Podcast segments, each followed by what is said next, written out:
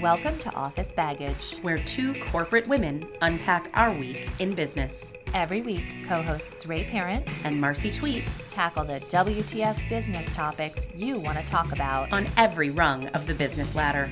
Bring your baggage. We'll unpack it. Today on Office Baggage Getting an MBA. Why or why not? and the issue of balance. Can we really do it all? And once again, sorry, not sorry.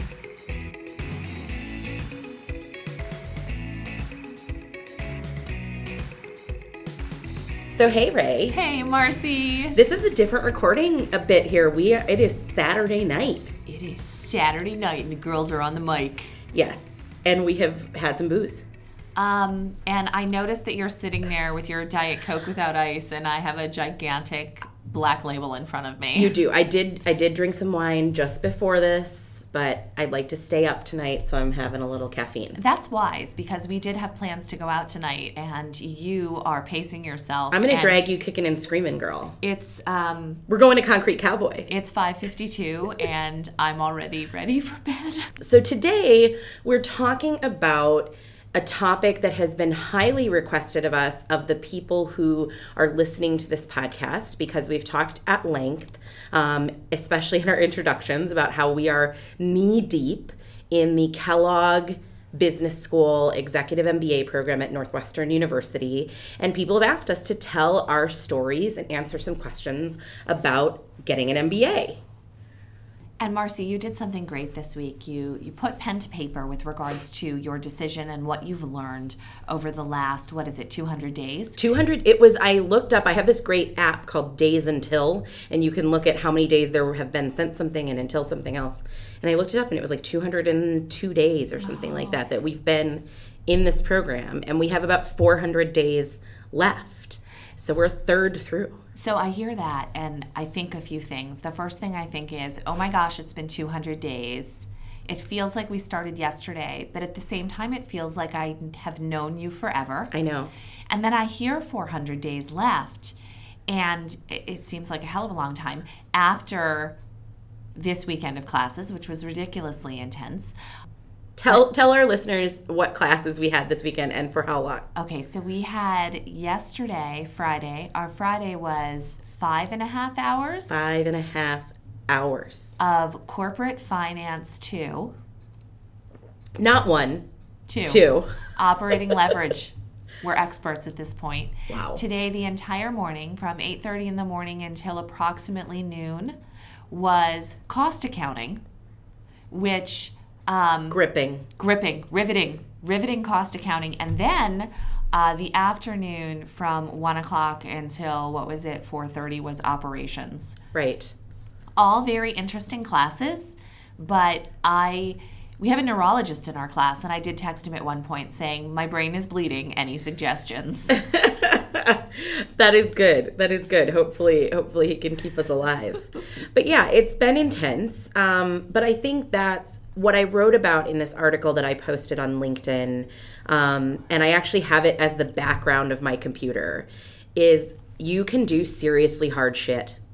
You can do seriously hard shit and you don't even know you can. So it's been I liken it to this this notion of beating a level in a video game. Like the next level doesn't get easier it gets harder. And then when you go back and you play the other levels they're so much easier. And i feel like that's what keeps happening is kellogg keeps upping the ante. It's like here's one finance class. Oh no no no. Not one two on top of that here's operations management on top of that here's a group project on top of that here's this and you just get used to it and you can do really hard stuff and it has been a while for me at least that I've been in any kind of academic circumstance. I've certainly had pressure on at work, but the interesting thing is how we've got the pressure associated with the coursework. We've got three very intense courses, neither and none of which are breathing functions for the two of us. right um, when we look at our job profiles versus the academic requirements of these courses. And then you add the work stress. And then for me, you add my my home life, uh, two beautiful kids who are seven years old, Right. Um, who are just a handful and a half. Haven't even mentioned my husband or my 105 pound incontinent transgender Labrador, but that's a different story. That's a story we'll talk about eventually, but we've just hinted at. But it's just, it's building muscle. It is. And even though when emerging from this program, I won't most likely have that academic strain on top, my ability to handle even more than I've handled before is growing. Absolutely. And it, it is. I like that you said it's building muscle because it is. It's building your ability to handle more than you ever thought you could, and you just get better and better and better at it. Um, so we're like academic CrossFitters. right now, as I take a slug of bourbon, I'm a liver CrossFitter too. You are. Well, let's talk about um, because something I get asked a lot, and I know you do as well, is why an MBA? Why did you? So, talk a little bit about your experience, and then I'll talk about mine. Why did you choose to go back and get an MBA at this point in your career? That's a really good question. I get it a lot, and I get a lot of sideways sideways glances from people because they will say to me, "What is your objective at the end of this program?" Understanding everything that I'm putting into this program. And when I look at them and say, "I don't know," I get looks of sheer confusion. Wow here's the thing for me I have 20 years of great experience, and my philosophy my entire career has been about skill building. Be in your role, do the best job you can do, transact in a manner that you're proud of. So that means do your best work and act with integrity. And over 20 years, every 18 months to two years, the phone has rang, or someone has shown up in my office with the next opportunity. And that next opportunity has always been something bigger, more challenging, oftentimes very frightening. But that has happened more than 10 times in my career. As I'm sitting here at, quite frankly, what is more than the halfway point, having accomplished more than, frankly, graduating with an undergrad in English and communications I ever thought I was capable of doing. I want to point myself in a direction of my choosing for the next half of my career, but I don't know what that is. I know what I've enjoyed over the last 20 years, and I know what I haven't enjoyed. And I know the management styles that I've really appreciated and have brought to bear in my own leadership style, and I know what I'm never going to do. But having this opportunity to take a step back and unpack that 20 years with an academic background is just a huge gift. I'm here to learn what I want to do for the second half of my career and to have that be about driving my value on my terms in my way so that I can look back at retirement and say, I had a really cool career. That's all it's about for me. Wow. What about you? That's exciting. I have never heard you answer that question before, which is really weird. But it was that was so fun to hear your wow. That's amazing. Oh, thanks. That's amazing. I'm so I'm so glad. No, for me it's it's actually really different because you and I are about 10 years apart in age. Don't rub it in. I think. I look 33. A gentleman in our class just told me. Are we? We're not. That was mean. I don't think we're we're like ten years apart. We're totally ten years apart. I could have been your babysitter. I don't know. And now you're mine. That's true. No, legitimately. I, I guess that's true. When you I was babysitting three year olds when I was thirteen. Yeah, that makes sense. You would have been a terror. I was. I was. Couldn't handle three year old Marcy. No, but you and I are a little are ten years apart in our career, and so I grew up the first um, 10 years of my career in nonprofit. And i went like you i had a undergraduate liberal arts degree from a you know private school and it really gave me prepared me to do nothing. Um, my degree uh, so was what year, what year did you graduate? Um, i graduated college 2005 how was the oh it was actually really good. So Not interesting. Bad. Interestingly enough, technically I'm class of 2006, um, but I graduated a semester early. I graduated in December because I hated college, and that actually funnels into my decision to get an MBA as well. Um, I went to the wrong school. I did too. We have to talk about that. Yeah. So I graduated high school the year of 9 11, and I oh got into schools in New York and DC, and that was where I was going to go. Um, I had planned and and had been accepted to the Catholic University of America in DC, and that was my dream school. It's where I wanted to go. And 9 11 happened the fall of my senior year of high school, and my very protectionist, amazing North Dakota father said, You're not going. You're not going. Um, and looking back on my life, I think I should have just gone myself and I should have taken out every loan I could, and that's what I should have done. But you can't, you know, shoulda, coulda, woulda. And I went to, um, at the request of my parents, a small private school in Minnesota so that I was close to home and not near the terrorists, right? You know? So that was hard. I did not enjoy my college experience. Um, Why?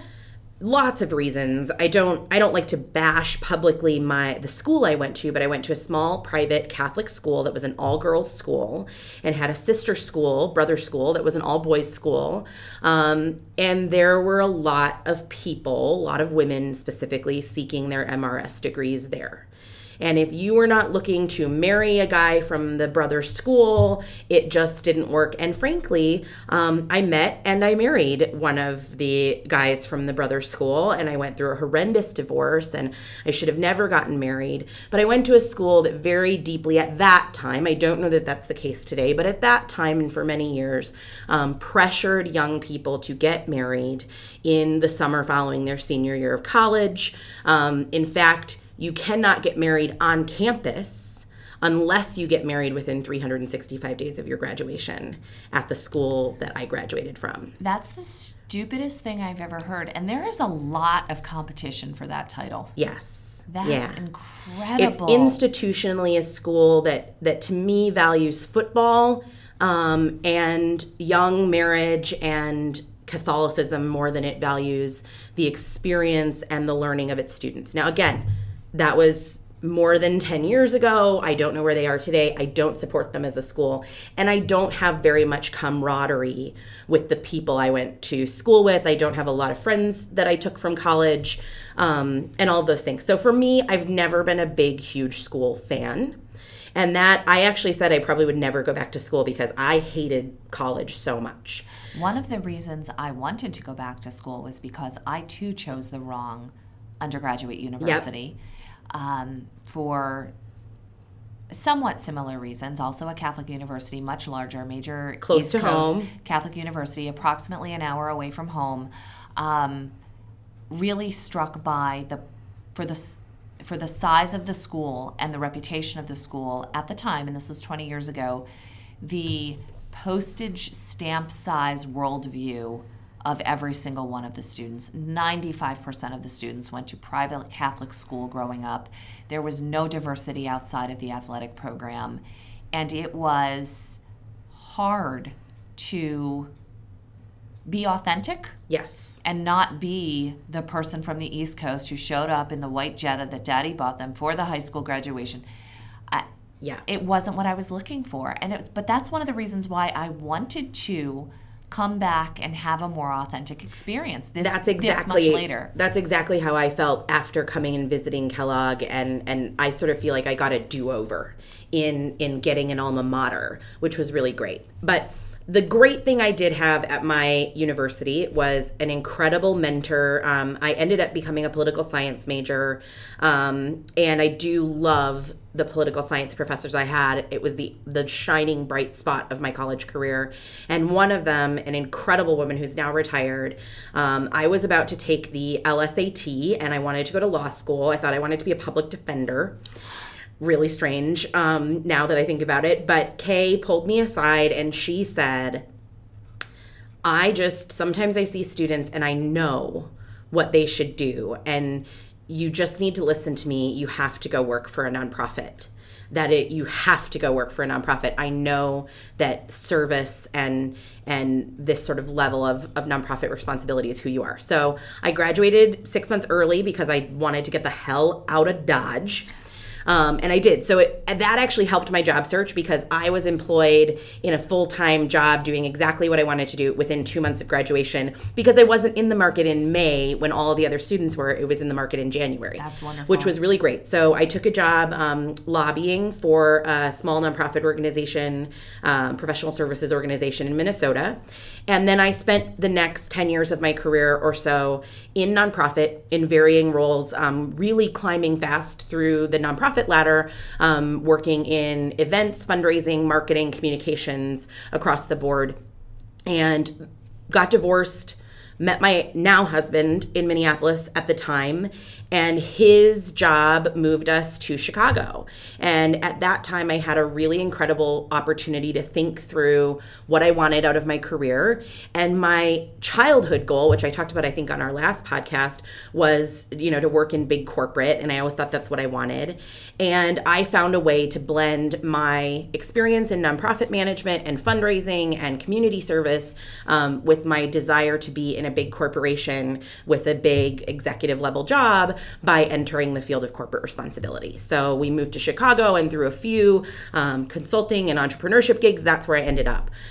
So now, having been in corporate for um, almost four years, I immediately saw the lack of hard skills that are needed to be a, a great corporate employee and a great corporate executive in the sense that before I joined my company now, I had never seen a, a, corporate balance sheet. I didn't know what the stock price was made of and how that was determined.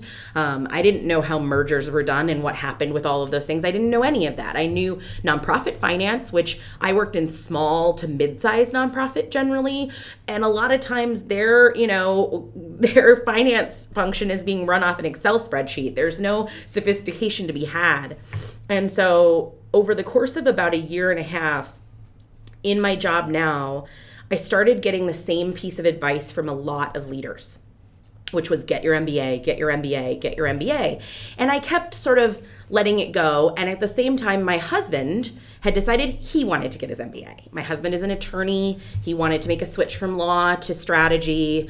Um, and he went back and got his executive MBA from Notre Dame, another incredible Chicago school. And I got to watch him go through this program and learn from him going through the program. And I started to get more and more interested. And then I started to dive deeper into the advice that people were giving me. Why should I get an MBA? And the advice I got, you know, being 10 years younger than you, someone said, when you are 40, if you don't have it, you will be very frustrated because you will top out. There you are so young because I am. I'm I'm one of the youngest people at my level in my company. I am so grateful for it and I'm so proud of being there and I work really hard, I think. Um, but I know that I will top out at some point if I don't get an extra thing on my resume.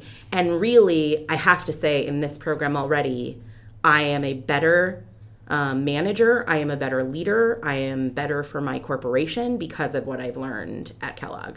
I like your point around topping out. I was the I was working for a different company at the time, but I was the youngest vice president, female vice president uh, in that organization. Certainly one of the youngest. Yeah, absolutely the youngest reporting into the C suite. But here we are nine years later, and I still haven't cracked yeah. And there was actually a comment made about me over the last seven years, and I won't attribute it in time because then it will be traceable to the individual by a very senior leader who looked at my resume in a talent calibration conversation and looked at my liberal arts degree, rolled his eyes, and said she needs an MBA. Mm-hmm. Now, I had two children within 10 months of each other, so there was a large portion of time where that was not an option. But now, with my kids at seven and seven, this is the three months of the year where they're the same age, um, it was just, there's no good time. There's, no good there's time. There's no good time. That's, it was, it was time to jump true. in. And yeah. if I'm going to be spending 10 hours a day away from my family, you bet I'm going to be maximizing my value and my earning potential uh, it's interesting because I had a similar comment made about me, but on the flip side, since I've started this program, and I'm sure someone has said before she needs an MBA, um, but someone came in my office and they told me that they had been the day before in a meeting with a very um, high level executive in our company, and that my name had come up about something else. And that this executive said, as sort of an aside to this person, Marcy, yeah, I really like her. She's clearly very serious about this company. And, you know, I you and I both are lucky to be sponsored um, either in part or in full by our company to come to this program, which is really fantastic.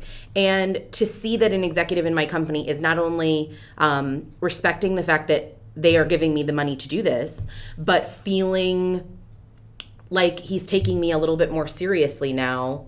That's great. That is wonderful. Yeah. I um, struggle with all that I have on my plate right now. Mm-hmm. My children, work, which is incredibly fulfilling, but also stressful. Yes. This program, same thing. But honest to God, I take a step back in my stressed moments, and, and they happen. What a champagne soaked first world problem. yes. Like, boo fucking who? Yeah. I can't figure out how to balance my two perfect kids. Um, oh no, I forgot to pay the cleaning lady, and Yeah. I have a final due. First world, hashtag first world problems, Ha- right? And so just incredibly appreciative. This is a secret, I'll tell you, but um, so don't tell anyone. you realize that this podcast goes live for thousands of people. We are up to thousands, aren't we? Um, we're way, we're like blowing past thousands. Yeah, it's, It's great. incredible. But look, I I am I love what I do. I Mm-hmm. really believe in the company I work for. Noble purpose, bold vision. I am all in, but I'm not saving lives. I have that very well in perspective, and one of the reasons I'm doing this is because I'm banking the cash and I'm going to contribute and I'm going to add value and I'm going to give back to my company for the next 15 years. But we both know I can't sit still. Yeah. When I retire, hopefully at some point, a little bit south of 60, I'm going to be doing something for the world. It's fantastic. And I don't know what that is yet, but with all of this privilege, and we will be talking about privilege on a later cast, with all of this privilege, I'm so excited to learn more from this experience and to be able to give back. Yeah, that's fantastic. So let's jump back a little too. We talked about you know why we're here. Um, let's talk a little bit because one of the questions we get all the time, and people considering an MBA, is how do you choose this school? So for me, um, it was fairly easy. I watched my husband go through the Notre Dame program. I work in a job that I travel a lot, so I preferred not to travel. And other than Notre Dame, there are two highly competitive MBA programs in Chicago, one of which I felt wasn't a good fit for me. The other was Kellogg. I came here, I sat in on a class, I went to an info session. I walked out, I got in the car with my husband, and I said, I am going to apply to this school until they let me in. So I had planned to look at other schools outside of Chicago.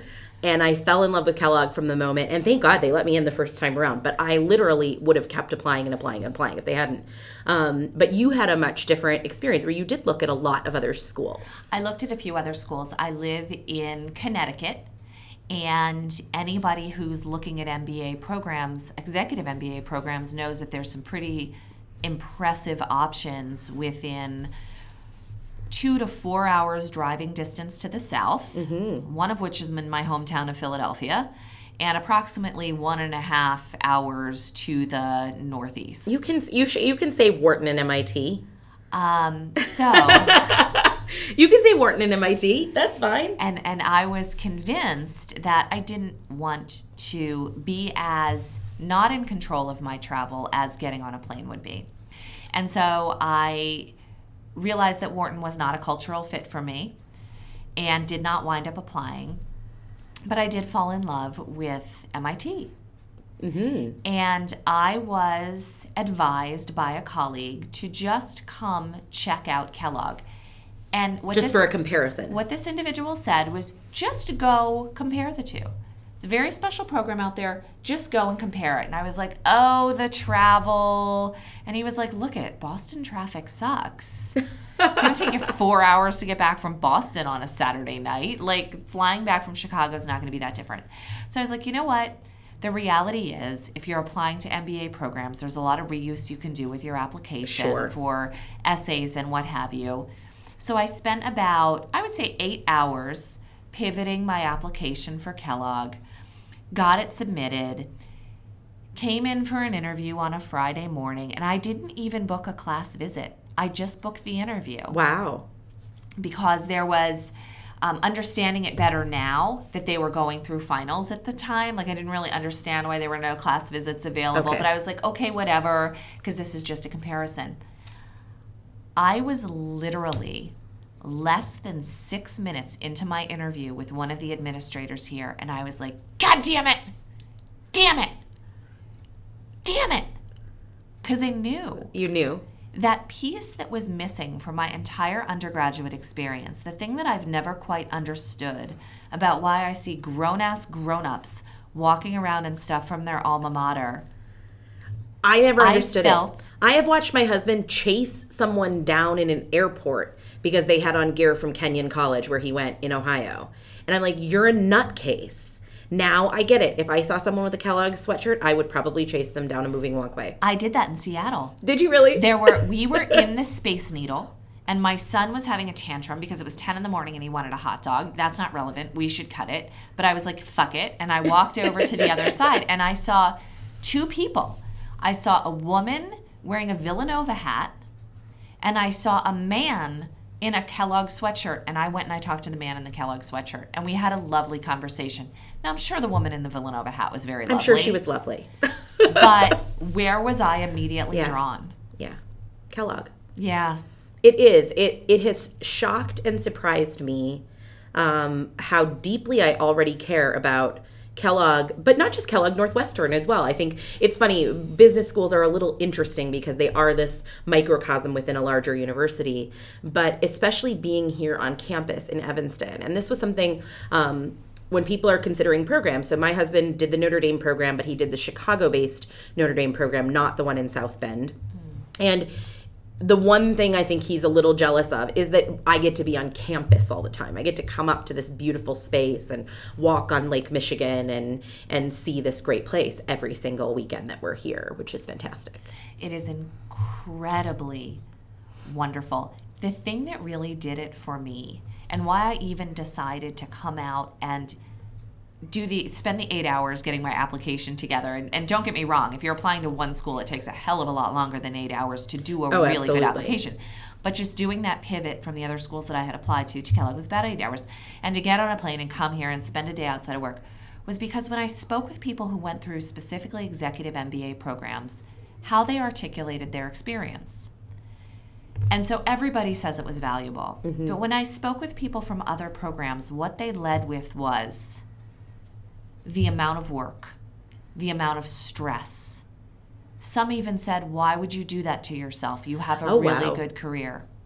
When I spoke with people who were who, who are alums of this program, it started with Oh my goodness, I'm so jealous that you're thinking about it.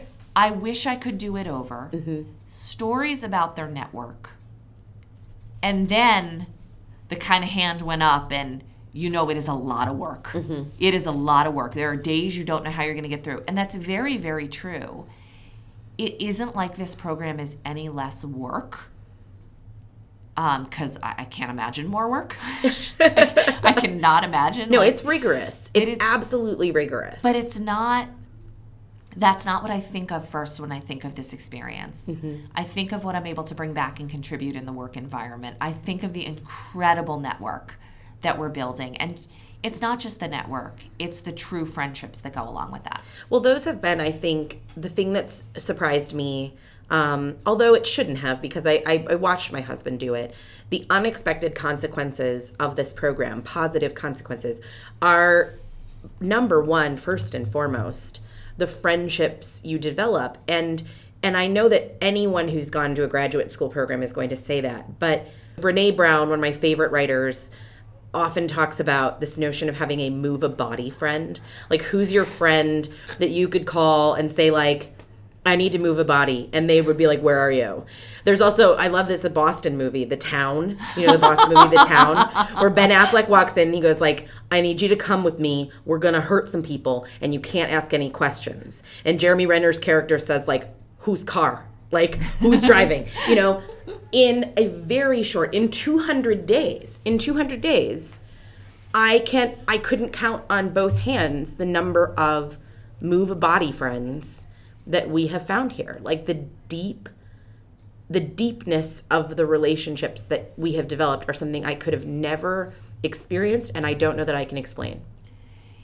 And one of the things that I love about this program, and I'm not sure if it differentiates this program or if we just have a very special cohort, although I see it in the other cohort that's on campus too. Mm-hmm. Look, we do have a circle that's closer. There's probably about 10 to 15 of us that would move bodies for each other. Yeah. But if someone from another circle were to walk in and need anything, Oh, of course. anything, Yes. there's absolutely no exclusion.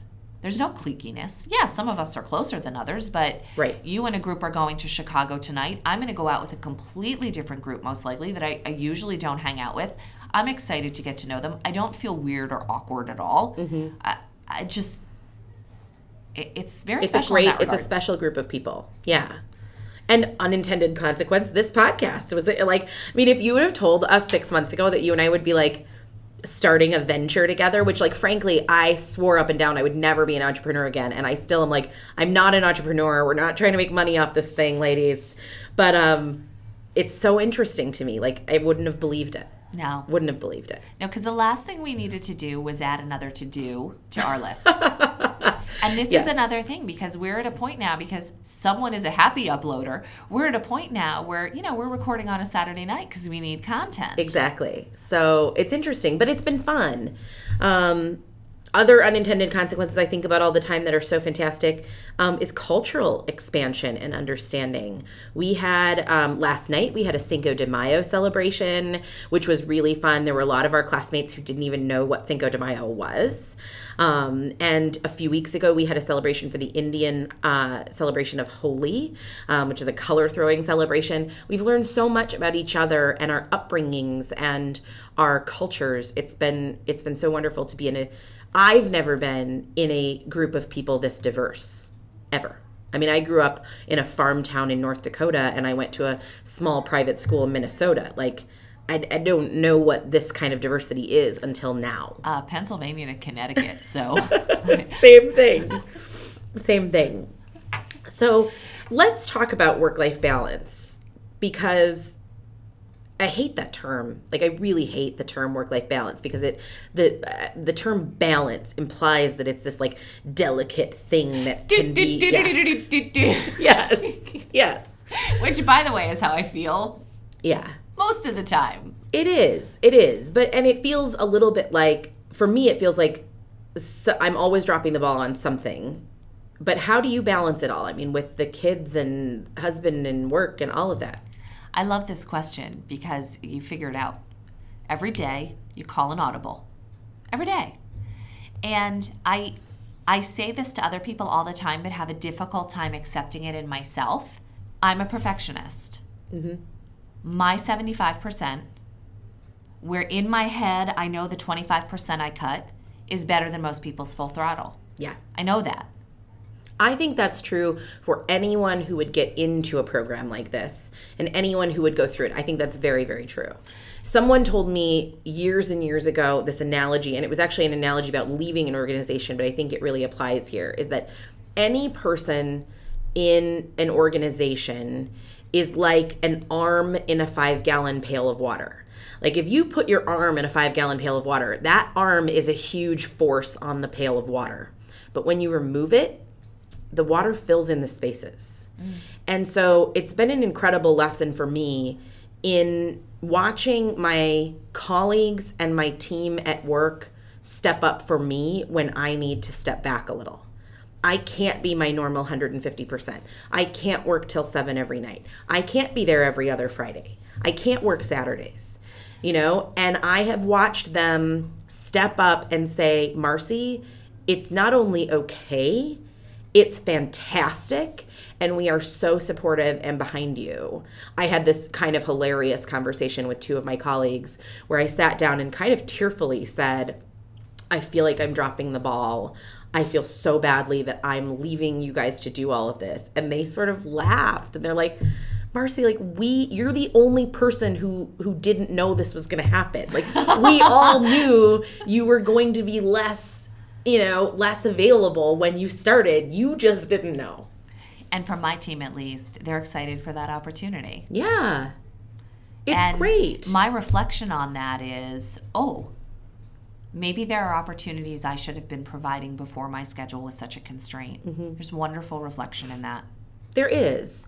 And I think there's wonderful reflection in, you know, the thing I love and I'm really grateful for in Kellogg is that they find ways to sprinkle into our very difficult class schedule moments of leadership training mm-hmm. and thinking about emotional, social intelligence and learning. And that has been um, impactful for me as well. And I, I know it's made me a better boss and a better colleague. So we've talked about two elements from your LinkedIn post. We've talked about school pride. Mm-hmm. And we've talked about uh, through the beginning of this dialogue and, and just now and balancing everything, just the I love it. You can do really hard stuff. You can. You really, really can.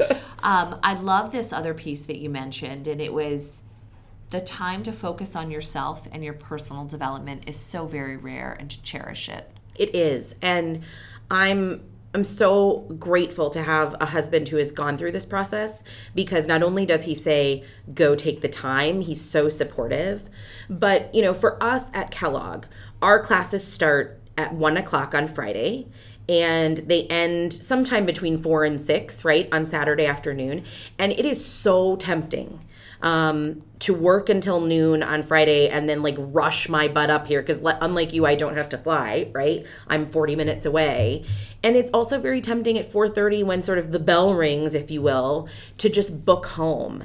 And I have had to tell myself, listen, you have a lifetime of Netflix at home on the couch, but you only have 22 months in this program with these people.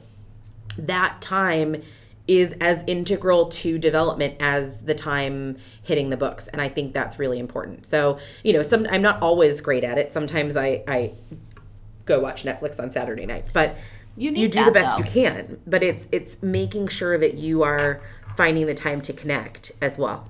And everybody connects in their own way. Mm-hmm. and look it is intense. It is intense for you know we're we're here. I come in thursday nights. Yep. There's a small group of us that will sometimes get together very low key on thursday nights. Friday morning you know up maybe work out get to recording have lunch with my team or with other members of the cohort class until approximately six-ish more hanging out dinner more hanging out sometimes out sometimes in same thing on saturday it's intense. It is incredibly intense. Wonderfully intense. So much of the value that we're getting from this program, at least personally, is the informal dialogue informed by the class discussion, but that happens outside the classroom. 100%. You've been so good. I need to be better. I was good at the beginning of this program at working out when you're here and at taking care of your health. I'm awful at that. And don't you go for a walk outside most mornings? I used to, and the last couple of months, I've just like I've been like sleeping in, sleeping in, sleeping in. Like this morning, I was like, oh, I think it's raining. It was not raining.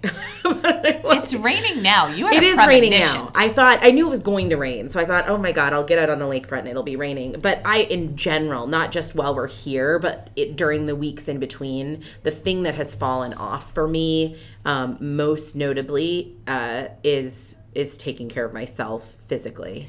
Um, it is hard too because it's like the way they structure this program, they take very good care of us, but it's 90 minutes of intense academia repeated, separated by 15 minute intervals of really good snacks. Of like cookies and Gardettos and breakfast burritos, which you said to me this morning if there are breakfast burritos at break, I'm going to do a cartwheel. and, and you were, did not do a cartwheel, but there were breakfast. There burritos. were breakfast burritos at, at break, and one of our colleagues, a gentleman from your team, walked up to me with a breakfast burrito and went and made like the do the cartwheel face, yeah. and I was like, I'm gonna put that breakfast burrito oh somewhere. Gosh. You don't want me to put. It's so funny, but it is. It's been. It's that's been the biggest. I would say, uh, you know, not the hardest thing, um, because the schoolwork is the hardest thing, but the biggest challenge for me has been trying to figure out how to take care of myself physically in the environment of having no time.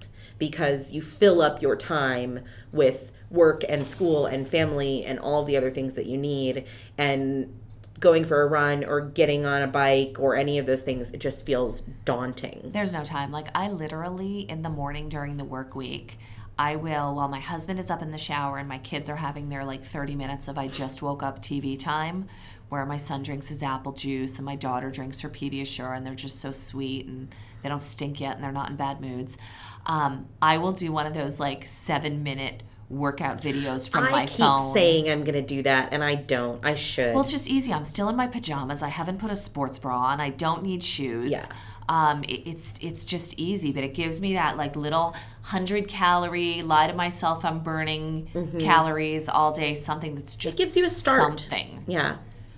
So before we get to our last segment, the last thing that we that I know we were asked about by a few people that we haven't talked about is any advice on sort of the application process. So we talked about choosing a school, but applying, interviewing. Did you take the GMAT? I did. I didn't. I did because I needed it for some of the schools that I was considering applying to. So I did take the GMAT. Hated it. Yeah, Kellogg is a non-GMAT school, so I didn't. I I stopped here, so I didn't didn't oh, apply. nice! So you didn't even go. I didn't the take the. GMAT school No, it wasn't. thing. It wasn't really a thing for me. I figured if I was going to business school, I would need to take the GMAT. I spent about six months because math is not my strong point. Okay. I spent about six months primarily refreshing on math. I didn't need the six months. I just did, um, and then took the GMAT. Wow, you really applying. prepared. I did. From the time I decided I wanted to go to the business school to the time I applied was maybe eight weeks. Oh my goodness. And yeah, because I sort of made the decision in December of, oh God, December of 15. I sort of said, okay, I'm going to do it. I sat in on a class here. I think it was the second week of January of 16. I applied in February, was accepted in March, and I was here in September. So it was quick. Yeah, it was a really quick turnaround.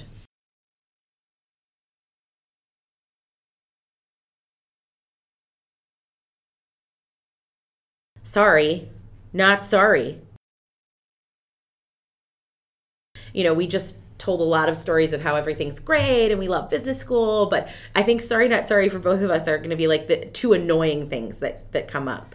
So my sorry not sorry and this is I think it is a tip actually. My sorry not sorry is I'm sorry that you don't understand the assignment. And part of that is we work in teams in business school, and that's fantastic. And not only do we work in small teams that are assigned to us, we also work in small teams on lots of other projects, right? Yes. And the thing that I had to learn early on that is sorry, not sorry, is that it is not my job to make sure that someone else is having a good experience or understanding what's going on or is happy doing what they're doing. Everyone's experience is their own experience and i'm sorry i'm not sorry if you are unhappy or not doing what you're supposed to be doing or don't get it. Not sorry. You and I are calibrated a little bit differently from a nurturing perspective. that's true. That's very very true. And there's absolutely nothing wrong with that. I struggled because I spent the first few months feeling like I had to make sure everybody was feeling good and knew everything that they had to do. And I was sending out what we needed to accomplish and a timeline for that. And my team is wonderful. and i do listen i do the timeline do. for our whole class You do, but my personal process is I need to kind of go through. It's just my process. Yeah, I yeah, need to go through, and I always actually check it against yours. Um, but I was having people call me and be like, "What do we have to do?" Like I, there, are, there are two very good resources you could go to. Mine, which I share, and Marcy's, which she has shared with the entire cohort. right And I was putting this additional strain on myself to do that and and felt like I needed to do something that didn't need to be done. These are these are professionals. They can um and it was harder for me, I think, than for anyone else to be like, I'm not gonna do that anymore. Yeah. I'm, I'm not gonna I'm not gonna share what well needs to i be had done. this experience so i to tell our listeners i i have a, a long spreadsheet that has every assignment and deliverable that's due for and i i really struggled with whether or not to share that spreadsheet with the whole cohort because it does set up expectations that i will always do that yeah. and there was a discussion um, one of our the kellogg team members said to me do you want me to put that as a link on the like emba intranet page Ooh. and i said no because yes we are in core classes together but in just a couple of months our cohort is going to go off and do electives and some of us will be a part of some of us and i said i don't want anyone to expect that marcy will always do this Yeah. if i do it i will share it with you but it is not my job to get you through your assignments this week. Sorry, not sorry. My sorry, not sorry for the week is everybody has their style, and some people like to think out loud. And there's absolutely nothing wrong with that. But if you ask me a question because you are lost and you have asked me for my time, which is a commodity that I have very little of, I will give you that time. But you need to listen. And so if you ask me a question and I get two words to two sentences out and you talk over me with your thought process, sorry, not sorry, I'm not helping you anymore. Yeah. I don't have three hours for your process. Yes. Listen to me. I will help you listen to me. Ask questions with the baseline of what I have said after I have articulated the thought. But don't jump in before I've finished the thought. Sorry, not sorry, I'm not helping you anymore. Yes. That and I think that goes to a respect, a general respect in any pro in a business, in a program, in whatever you do, a general respect of people's time. And I get I feel this a little. We our last podcast was about motherhood and and not being a mother. I do sometimes feel both in work and at times in this program this notion of oh Marcy can do it because she doesn't have a family at home to deal with and I or the other have kids. And that that can be an issue. And you know, I think just in general, respect people's time and if you ask someone for help like people have asked you, respect your time. Yeah. It's very simple. So this was fun. It was fun to um at the end of a very intense weekend Oh unpack our business school experience. And we should do this again. We should check in in 200 more days and at the end and sort of say, you know, what are our learnings going forward um, from that. But I think I hope that people who are both in our class and interested in getting MBAs or even people who've never thought about an MBA um, are enjoying this podcast. And our colleagues in class here have been wonderful sources of content for us. I'm extremely excited to share. You and I have talked a lot about privilege, about male privilege primarily, but there are all different kinds of manifestations of privilege. And we have some wonderful colleagues who are of color who are going to join us to talk about um, white privilege in an upcoming podcast. So I'm extremely excited about that. We've gotten great feedback on our Cockpit Confessional podcast. So we'll have uh, Nick rejoining us here very shortly to do another segment with us. So gr- great uh, feedback from the balance of our cohort. Fantastic. So stay with us, more episodes to come.